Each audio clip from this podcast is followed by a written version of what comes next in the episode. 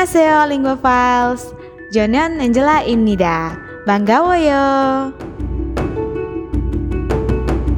Nah karena ini udah masuk tahun baru Aku mau ngucapin Sehebokmani Baduseyo Atau Selamat Tahun Baru. Semoga di tahun harimau ini semua harapan kamu bisa tercapai ya, Lingua Files.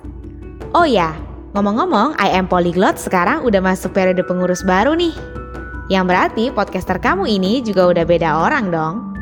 Kenalin, aku Angela, salah satu podcaster I Am Polyglot yang baru. Aku bakalan nemenin kamu buat eksplor dunia bahasa lebih jauh lagi. Kamu pernah denger nggak Squid Games, BTS, drakor startup, dan skincare ala Korea kan, Linguophiles? Itu baru sedikit loh dari banyaknya tren di Korea Selatan. Masih banyak tren lain yang gak kalah keren. Makanya di sini aku bakal kasih kamu tips belajar bahasa Korea. Biar kamu bisa ngerti nih apa yang diucapin Kang Sebyok di Squid Games atau bisa langsung kirim-kiriman surat sama temen dari Korea.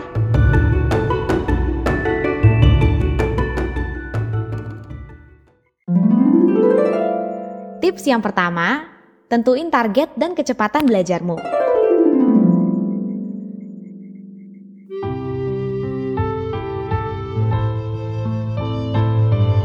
Nah, Linguafiles, kalau biasanya kamu cuma nentuin target belajar, sekarang coba tambahin juga seberapa cepat sih sebenarnya kamu kepingin mempelajari bahasa Korea ini.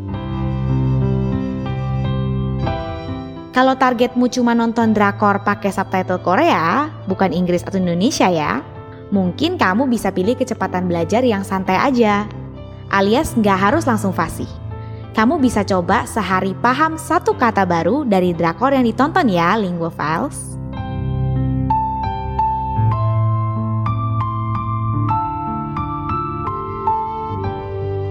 Terus tips yang kedua dari sumbernya.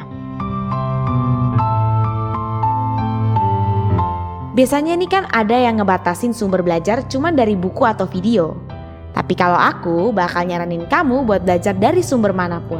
Mau itu nonton video di YouTube, bikin kartu kosakata, sampai bacain lirik lagu pakai Hangul, pokoknya lakuin semua caranya.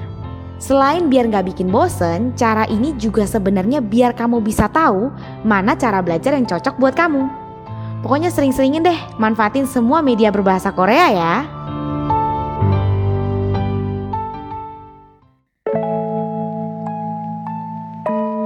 Tips yang ketiga yang lagi tren nih, yaitu study with me. Study with me ini sistem belajar bareng secara online. Kamu bisa pilih loh mau belajar sama siapa, bisa bareng temen yang belajar bahasa Korea juga, mau itu orang Indonesia ataupun orang luar. Bisa bareng native Koreanya langsung atau bahkan random, alias sama siapa aja boleh, walaupun gak belajar bahasa Korea juga. Sabi gak tuh Lingofiles? Kamu bisa juga loh nentuin sistem belajarnya. Kalau kamu mau full ngobrol aja dalam bahasa Korea, kenapa enggak? Saling ngajarin cara nulis Hangul juga boleh tuh.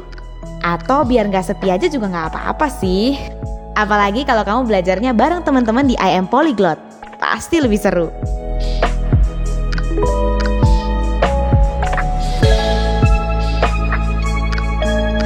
Kalau tadi aku udah kasih tips-tips yang general nih, yang umum, sekarang ada tips yang lebih terkait sama bahasa Korea nih Lingua Files.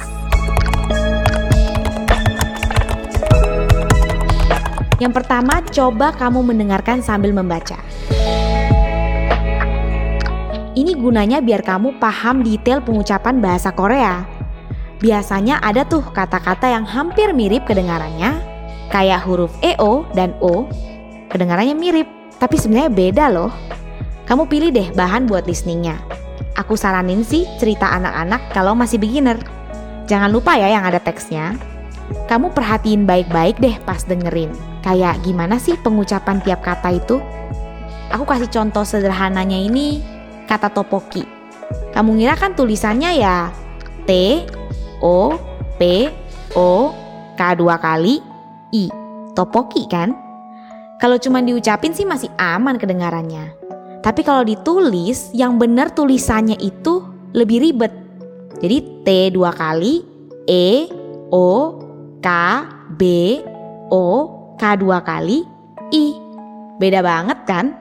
Wah kalau kamu ujian, jangan sampai keliru loh tulis Hanggulnya. Kedua, aku saranin kamu menyenikan Hanggul. Maksudnya coba kaligrafi atau gambar. Kaligrafi nggak cuma buat huruf Arab sama alfabet kok. Huruf Korea juga bisa. Kalau kamu jago gambar, huruf Koreanya digambar, boleh juga tuh. Cara ini udah terbukti secara ilmiah loh Linguafiles. Salah satunya dibahas oleh Najwa Ahmed Salim Kasahne dengan judul The Effect of Letter Modeling on Developing the Skills of Handwriting of Arabic Speaking Other Languages. Walaupun bahasa yang dibahas bahasa Arab, tapi berhubungan kok sama bahasa Korea. Hasilnya terbukti bahwa menuliskan huruf-huruf tersebut dalam kaligrafi bisa ningkatin kemampuan belajar bahasa tersebut. Otak kamu kayak dilatih buat nginget-nginget hurufnya sambil kaligrafian. Jadi cara ini patut dicoba ya, Linguophiles.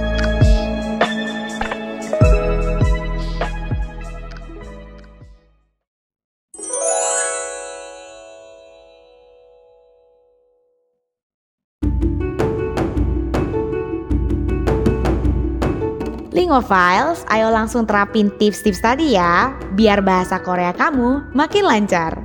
Selancar Suga dan J-Hope nge-rap ya.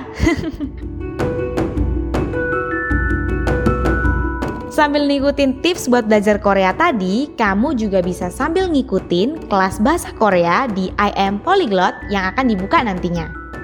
Semua informasi akan ada di media sosial IM Polyglot.